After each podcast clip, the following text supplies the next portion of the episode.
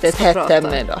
Vi kör kyrkan idag. Vi ska köra kyrkan idag och det här är ett, ett, ett eh, det här är liksom ett jätte, jättesvårt ämne för mig att prata med någon om.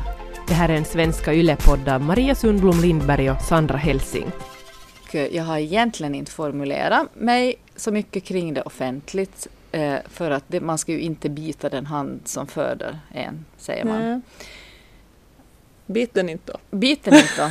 Nej, jag tänkte såga av den. Ja, okej. en motorsåg. Och hoppas att den växer ut. Ja, men jag tänkte att jag, jag vill ju inget illa och det här är ju bara liksom mitt, min, min syn. Och det innebär ju inte att massa människor som har jobbat inom kyrkan har helt andra upplevelser. Men jag har kommit så långt att nu duger ju min upplevelse också. Och nu är den sann och ärlig. Men det är ju klart att den är. Mm. Men då Så. är jag, alltså jag är så otroligt nyfiken eftersom jag måste, ju- jag måste börja med en liten picko-anekdot från mitt, min barndom. Alltså vi är ju uppväxta, eller jag är uppväxt i en sån här underbar liten familj, mamma, pappa, två barn, eh, medelklass, Åland, härlig liten familj. Där man gör för att man gör. Man döper, man konfirmerar sig, man gifter sig och så. För att man gör det. För det är så som man gör. Ja. Men jag, vi hade ett café, eller finns fortfarande ett café på Åland som heter El Shaddai. Där det finns en, en härlig dam som heter Birgitta som driver det och hjälper hemlösa och problemmänniskor på olika sätt. Och hon är jättegod och härlig. Och hon där drog jag mig till när jag var liten. För att jag gick förbi och hon hade vackra saker i fönstret. Så en dag gick jag in dit. För jag hade hört att någon sa att hon kunde tala i tungor och det förstod jag aldrig vad det var.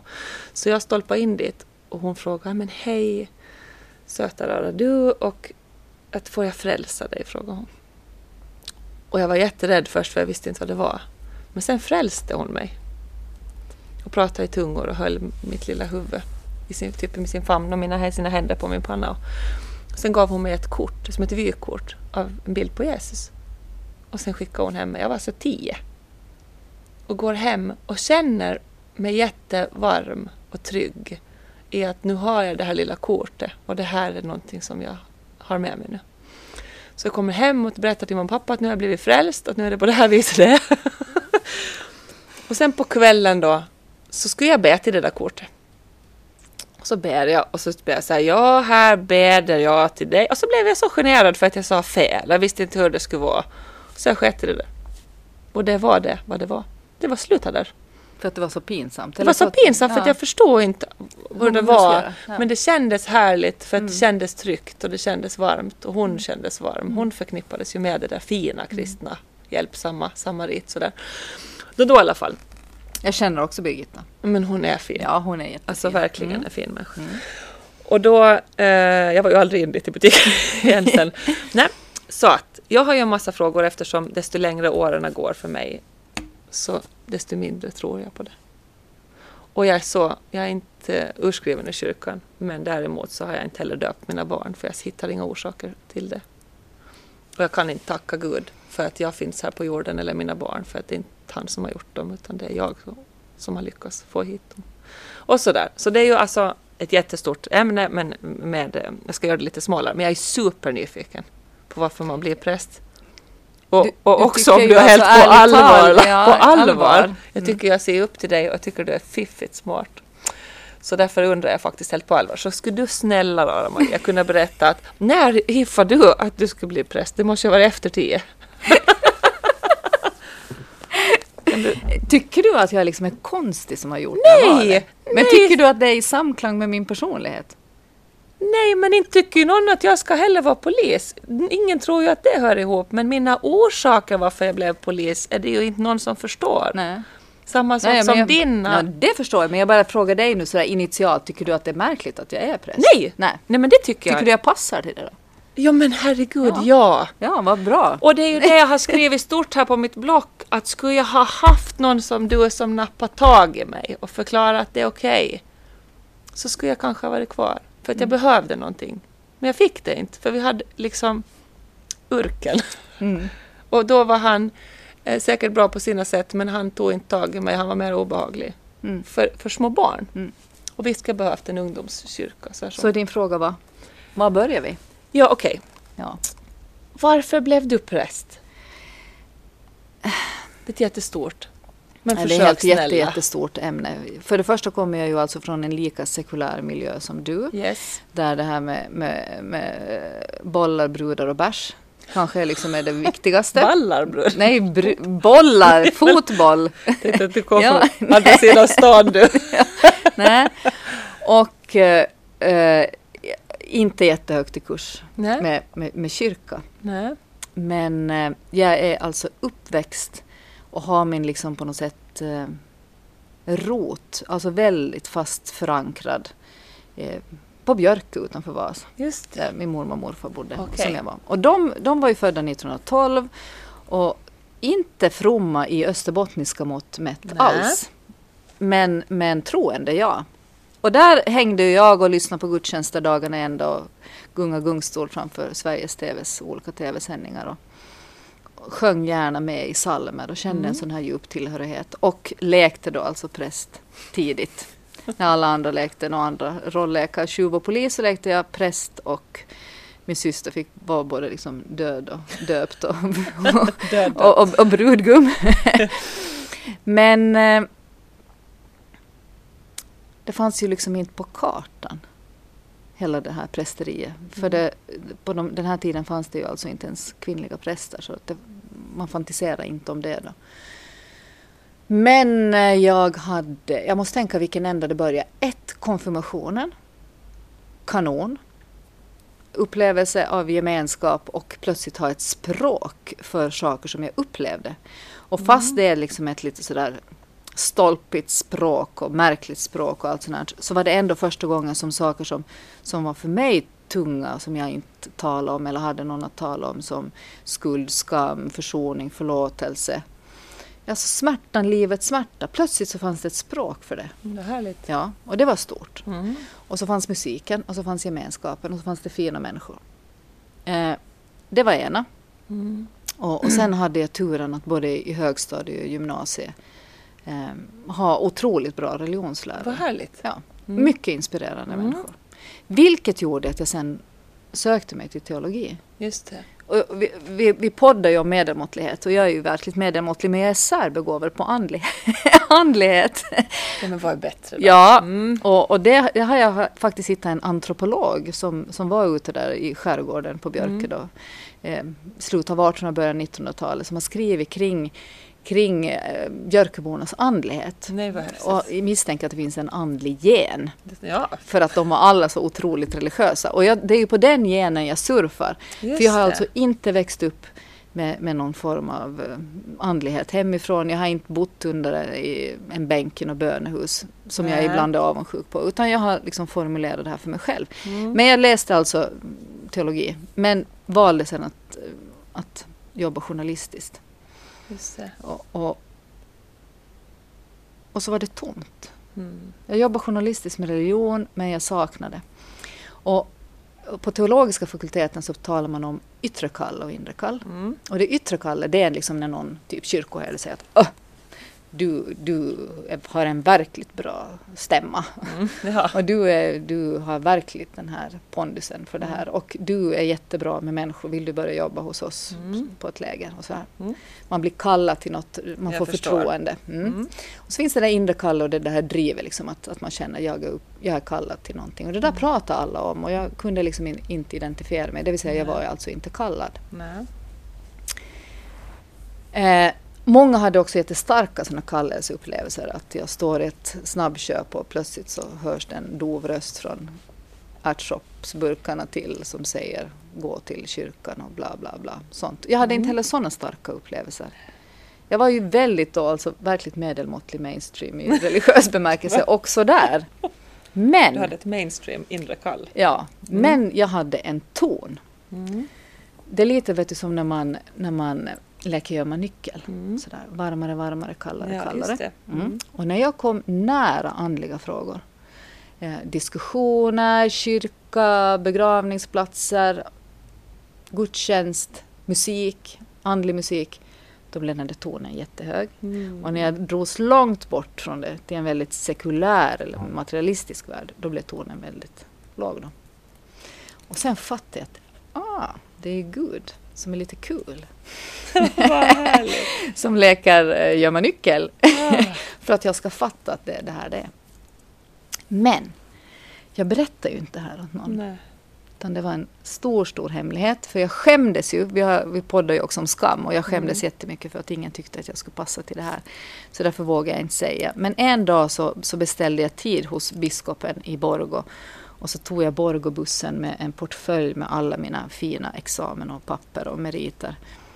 Och så får jag dit. Och ansökte om ordination, som det heter Mm. till präst. Och jag var så nervös. Och han var så nervös, för han trodde ju att jag var där för att eh, göra någon sån här candid camera avslöjande grej om honom. För det hade varit mycket, han hade varit blåsten en del. Ja. Så han höll på att trilla av stolen när jag sa min fråga. Och sen blev det faktiskt superplatt fall. Ja. För att jag hade, jag hade allt innehållsmässigt rätt. Eh, alltså jag hade läst alla kurser men jag hade tagit ut mina papper på humanistiska fakulteten för jag var inskriven på båda. Eh, till en fil. mag och då fick jag inte prästvigas på det. Så jag måste läsa om, jag måste läsa till en ny examen och då var jag ju alltså 34 år och hade två små barn. Men jag var då alltså väldigt taggad. Så jag läste på nätterna in det som behövdes. Jag hade liksom... Det tog inte så länge. Och sen prästvigdes jag i, för 11 år sedan Mm. Vad häftigt. i Borgå, Kristi himmelsfärd. Mm. Alltså det var en, liksom en extremt stor dag. Och, och det var en otroligt... Alltså det var fantastiskt. Det var, en, det var helt... Det var, det var otroligt stort. Och sen hade vi en fantastisk fin fest, eller jag hade en fin fest med mycket vänner och mycket tal. Som är kanske en av mina livs finaste upplevelser faktiskt. Men Efteråt. när det blir på riktigt så är det ju otroligt härligt. Så är det. Inte hade jag ju någon sån här superstor förståelse för varför jag... Alltså sådär omgivningen, precis som du säger, och why. Det finns ju andra jobb så att säga. Men, men de som var nära mig, de kände mig och tyckte att det här var liksom, det här, skulle, det här blir jättebra. Men vägen dit var ju så lång för att det fanns ju så få, tyckte jag, som jag kunde identifiera mig med. Mm. Men eh, alltså hur man är kvinnlig präst. För jag ville inte härma, jag ville inte bli som en man, det skulle inte gå. Och, och, och jag ville liksom faktiskt göra det på mitt sätt med en klangbotten i mig som människa och som kvinna. Och därför var också resan otroligt lång, för vi har ju haft ett stort kvinnoprästmotstånd i Finland och i, i Borgå stift. Som inte riktigt, det har ju inte uppmuntrats direkt. Nej, med nåder har man eh, på grund av lagliga förändringar tagit emot kvinnor. Men uppmuntrande måste jag säga att det tycker jag inte att det har funnits. Eller då i alla fall. Kanske annorlunda nu. Så det var, det var, det var fantastiskt. Vad härligt. Mm. Mm. Och om man pratar liksom särbegåvning, eftersom jag då är en supermedelmåtta på nästan allt, men här är det någon slags magi i det att, eh, att alla mina gåvor får komma fram och komma till sin rätt. Och därför är det inte ett ansträngande arbete. Nej men vad härligt. Mm. Så jag förstår det precis. Ja. Där finns skrivande, Mm. som jag tycker jättemycket om.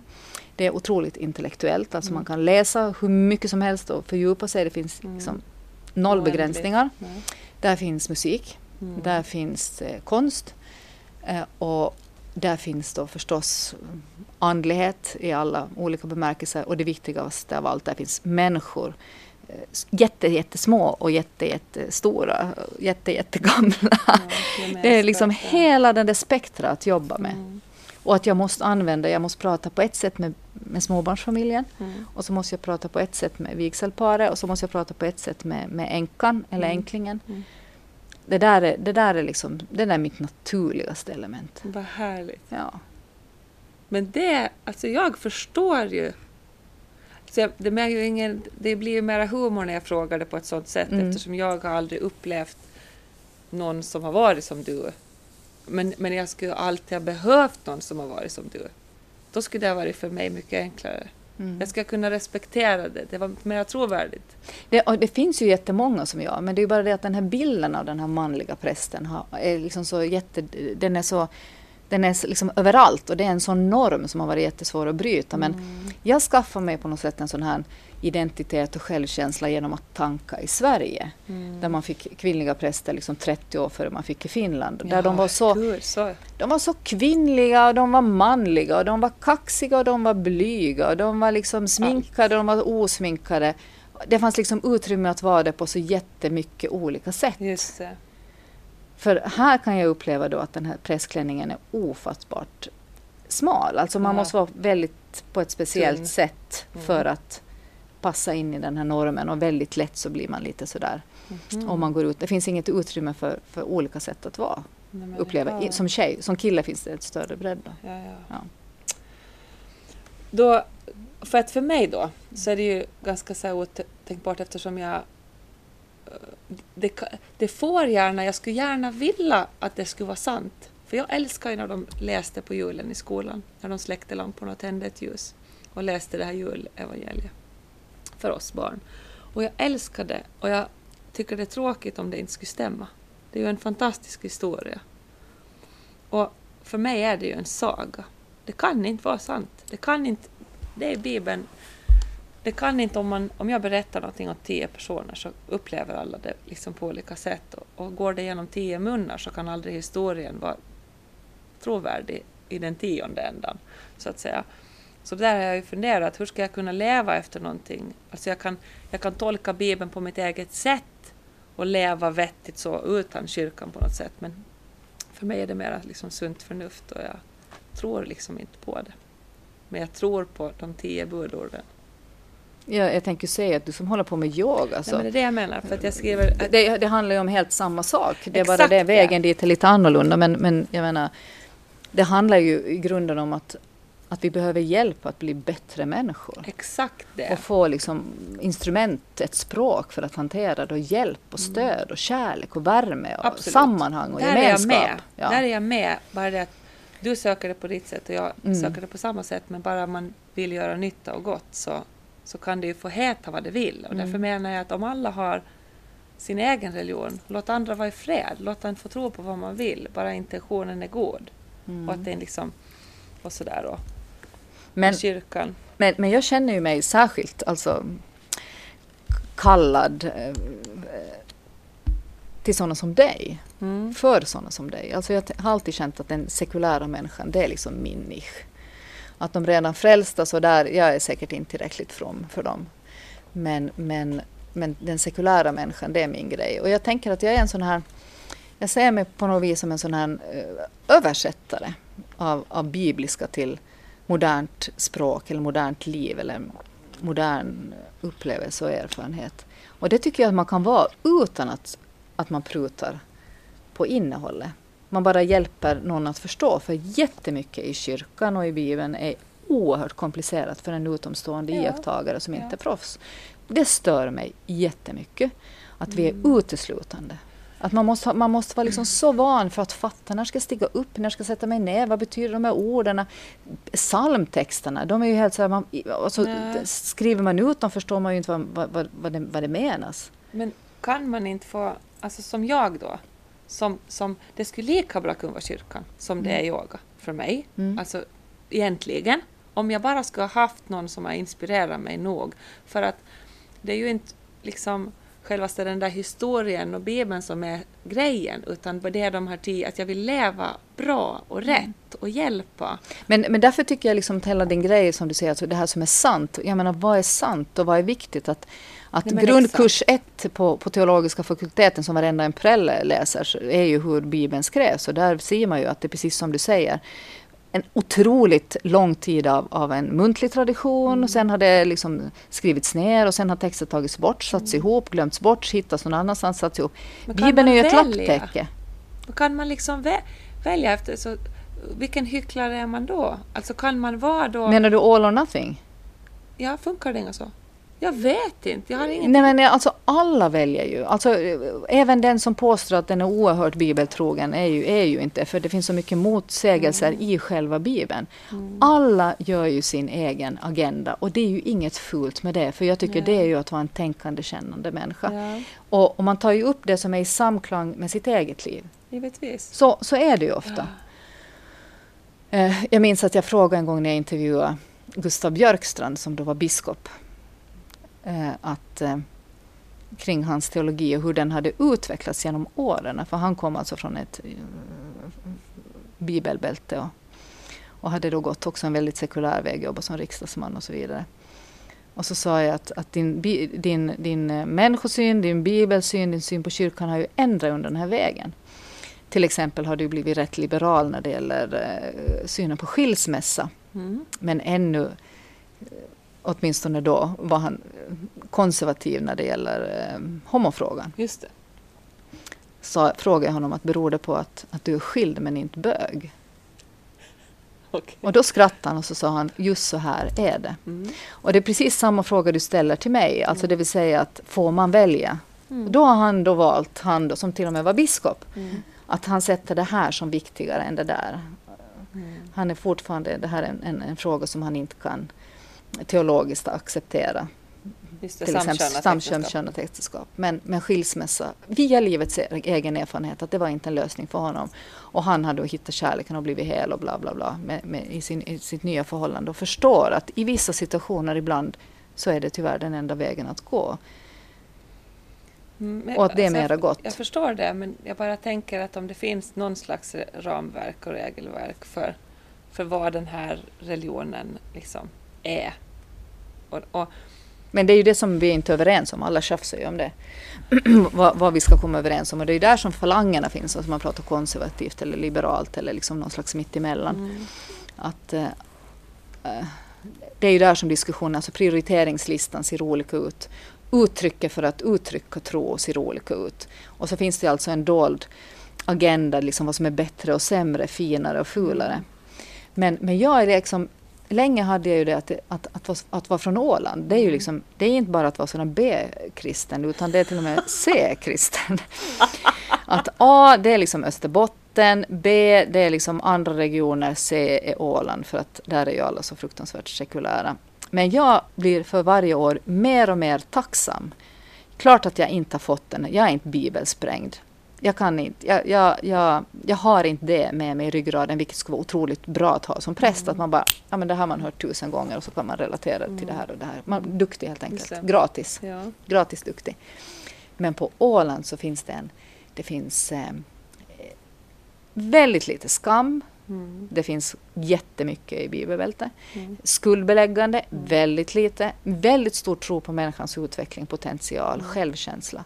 Det finns en naturreligiositet. Det finns en, en, en andlighet som är, som är som inte vill andra illa på något vis i världen. Man kan ju kalla att den är lite för privat, men, men det, den har skapat väldigt mycket gott. Och det ser man ju att, att nästan alla, till exempel i Mariehamns församling som har gått, har ändå väldigt positiva upplevelser från Lemböte till exempel. God, absolut. Att ungdomar, mig. Ja, ungdomarna har liksom tyckt om det. Det är en otroligt låg tröskel mm. till kyrkan.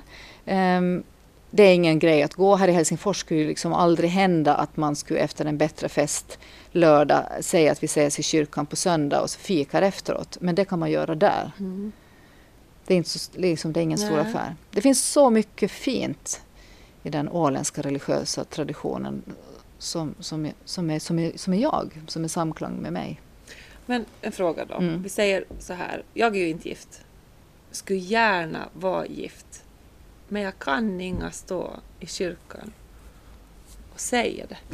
Alltså, jag kan men du är ju inte troende. Nej. Nej, inte kan du, det förstås. Men inte är det ju nästan av alla som jag känner som har gift sig. Alltså jag, verkligen inte nå alla, men Alltså en stor del gör ju det för att man gör det. Mm. Men jag som person, jag vet inte om jag är, tänker för mycket i det eller jag kan inte stå där och säga att, att, att vi tackar nu Gud för att vi liksom är här och, och så.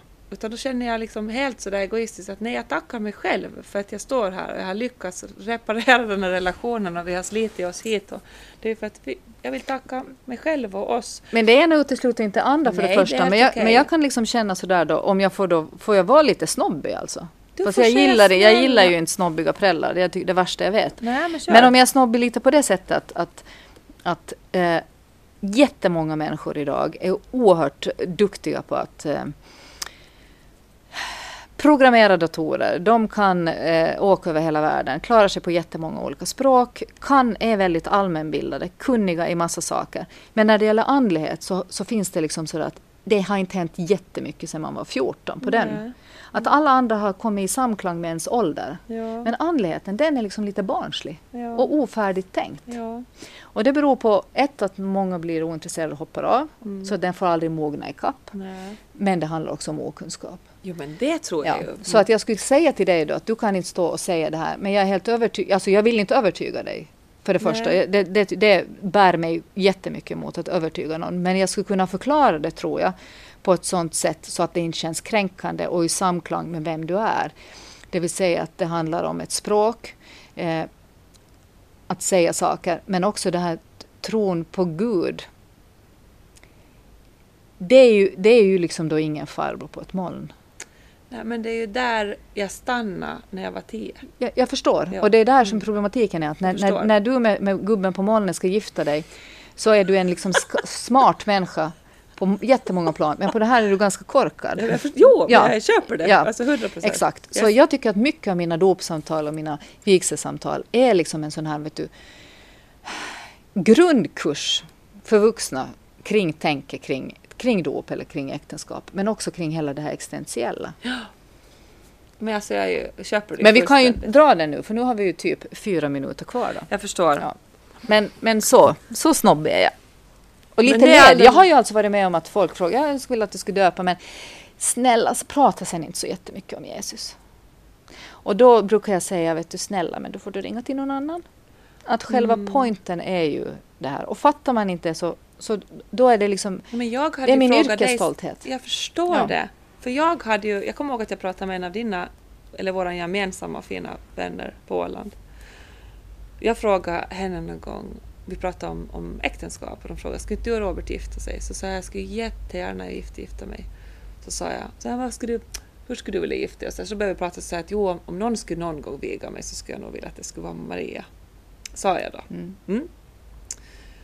Men sen desto mera åren går, så det har ju ingenting med dig att göra, men jag har att göra med, jag förstår dig, att du kan, alltså jag skulle ju vilja att man skriver sina egna löften och gör det på mitt sätt, att jag får liksom göra det på mitt eget sätt och då undrar jag om du skulle ha liksom ha varit med på det. Men, men jag fattar ju din yrkesstolthet, att du måste ju hålla dit. Du kan ju inte viga mig om jag inte tror på det du tror på. Förstår du? Mm. Det Nej, ju- nej, det är ju krockar. Det, det är ju absolut ingen point att du går till kyrkan och får en kyrklig välsignelse, för du bryr dig ju inte om, du tror inte att det finns. Exakt! Ja. Och det kan jag inte göra. Nej, men då, då lämnar du Skiter det. du i det? Ja, då lämnar vi det. Men jag hade gärna gift det. Nej, jag hade gärna haft det. Mm. Och då är jag ledsen för det. Alltså jag är ledsen, jag tänker att jag lipar i det här avsnittet också. Mm. Jag är ledsen det finns en sorg hos mig det. Att varför inte, kunde inte du ha berättat det åt mig när jag var tio? Så kanske jag hade fått det där. Men varför kunde ingen ha berättat om allting som i hela världen åt mig när jag var tio? Exakt, vi missar lite där. Det är liksom hå- hårda vägen att gå det här. Men jag är helt övertygad om min kära då man någon gång får för sig att vi kanske ska gifta oss eller ingå något typ av partnerskap. Mm. Alltså, vi är ju förlovade Mm. uh, sen hundra år. Men, men eh, jag måste ju kunna få säga det åt han och bjuda in dem som jag älskar för att delta i någon typ av familjärt firande av vår familj. Och det ha, har ganska lite då med på det viset med kyrkan att göra. Det har ju med någonting jätte, jätte andligt. Och det har varken med yoga eller med kyrkan att göra, men det har med någonting och jag skulle så gärna, det skulle vara lättare om jag skulle ha ett namn på det. Mm. Och det är, det är därför folk kommer tror jag. För att det är så Mm. skönt att bli serverad en kontext och ett namn och ett språk. Ja, Och en att hjälpa bok, här är till en att- bok, läs den här. Ja, men, ja, eller så tar man en shortcut med mig. Jo, men jag, jag hade önskat, det hade varit enkelt för mig, eftersom jag respekterar dig, så hade det varit så enkelt för mig att få den liksom klarheten att så här är det Sandra, du, får, du behöver inga välja. Utan, utan du vill gott, alltså vi har samma intentioner du och jag, bara det att olika tron. Varför skulle vi inte varför, det känns ju som att vi kan samarbeta på hundra sätt men vi delar inte tro. Men vi kan ju ändå umgås och, och, och så här. Men därför menar jag med just med alla andra kulturer. Jag tror att allas grundstenar är de samma. Why can't we just all get along? Så är det. Vi ska väl? Är inte det som Vi är ska målet? väl och gästas. Alltså jag hade med 400 frågor till Men Maria. säg Det här tar ju aldrig slut. Det här, Vi har ju några minuter. Eh, nej, jag skrev bara, berättade här när jag blev då frälst. Mm. Men, men, eh, men ingen av våra barn är döpta. Eftersom då var jag redan på den där tvivelresan. Och eh, vi döpte dem inte. Men med sista barnet, så då frågade jag, första två frågade jag ingen, eh, alltså då givetvis Robert, men sista barnet så frågade jag faktiskt alltså mina föräldrar och hans föräldrar. Eh, och alltså spelar det någon roll för er då? Alltså vill ni gärna? Alltså det var mitt sista halmstrå. Är det ingen som bryr sig om vi döper dem? Mm. Nej, då struntar vi i det. Och därför struntar vi i det. Men saknar du någon rit? Någon sån här välkommen-rit? Nej men alltså så här. Nej, välkommen. Eh, jo, alltså eftersom jag saknar, men jag saknar inte bara den. Jag saknar ju 20 andra riter. Jag, jag, jag firar jul för att jag ska få pyssla hysteriskt i fyra veckor. Alltså jag skojar inte. Mm. Jag älskar julen. Och jag älskar värmen och kärleken i det. Men jag saknar orsaken. Jag sa- saknar en riktig orsak för det. Jag älskar påsken. När jag var liten vi såg på de här alla Jesusfilmerna som gick och jag tyckte att det var en gripande historia. Men för mig är det en film. Förstår du? Mm. Och jag försökte nappa lite där och krafsa lite men det liksom... Det! Och så blir det den här liksom tvångs gå i kyrkan. Men du, påsken. Ja, Det är ju ditt liv det, Sandra. påsken. Ja, Ja. det är ju ditt liv.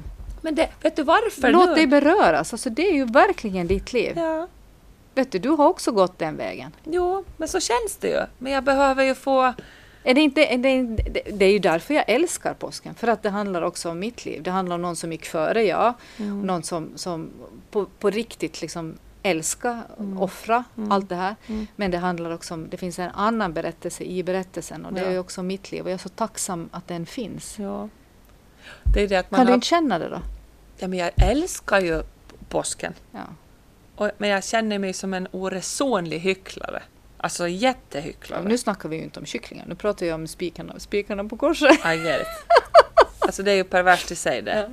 För det blir också för mig otroligt eh, skräckinjagande, de symbolerna. Men, men det blir... Eh, alltså, jag har ju upptäckt att jag, jag lever ju upp under de här högtiderna.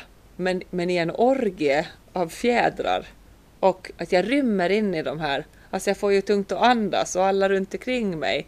Och när det liksom inte om möjligt kan glittra mera så sitter jag där och flåsar och säger att Robert snälla kan du bara rädda undan så jag skulle måste göra ett blått pepparkakshus här tre på natten och han tror att nästa år Gulle, du klarar det, nästa år gör vi det igen.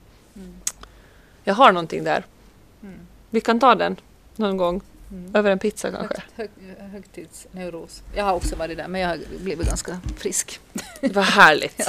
Jo. Ska vi säga tack då? Ja men vi säger tack. Jag tycker att det här var underbart. Härligt. Jag... Eh, men det här att man tolkar någonting på sitt eget sätt. Jag, behö- jag söker lite trygghet. Jag känner att det... Vem gör inte? Ja, knark, knarkar vi det ett tag? Knarkar vi det? Men jag skulle säga, nu kommer ju det här, det får ju bli del två. Jag jobbar ju alltså inte i kyrkan. Nej, del två. Alltså, det kom ju också det här, eh, det värsta med kyrkan. Mm. Och det är del två. Det är del två. Den Den, största väntar vi på. någonsin. Verkligen. Yes. Den kör vi. Det var en teaser på den. Ja. Mamma polis, hej! Hej hej.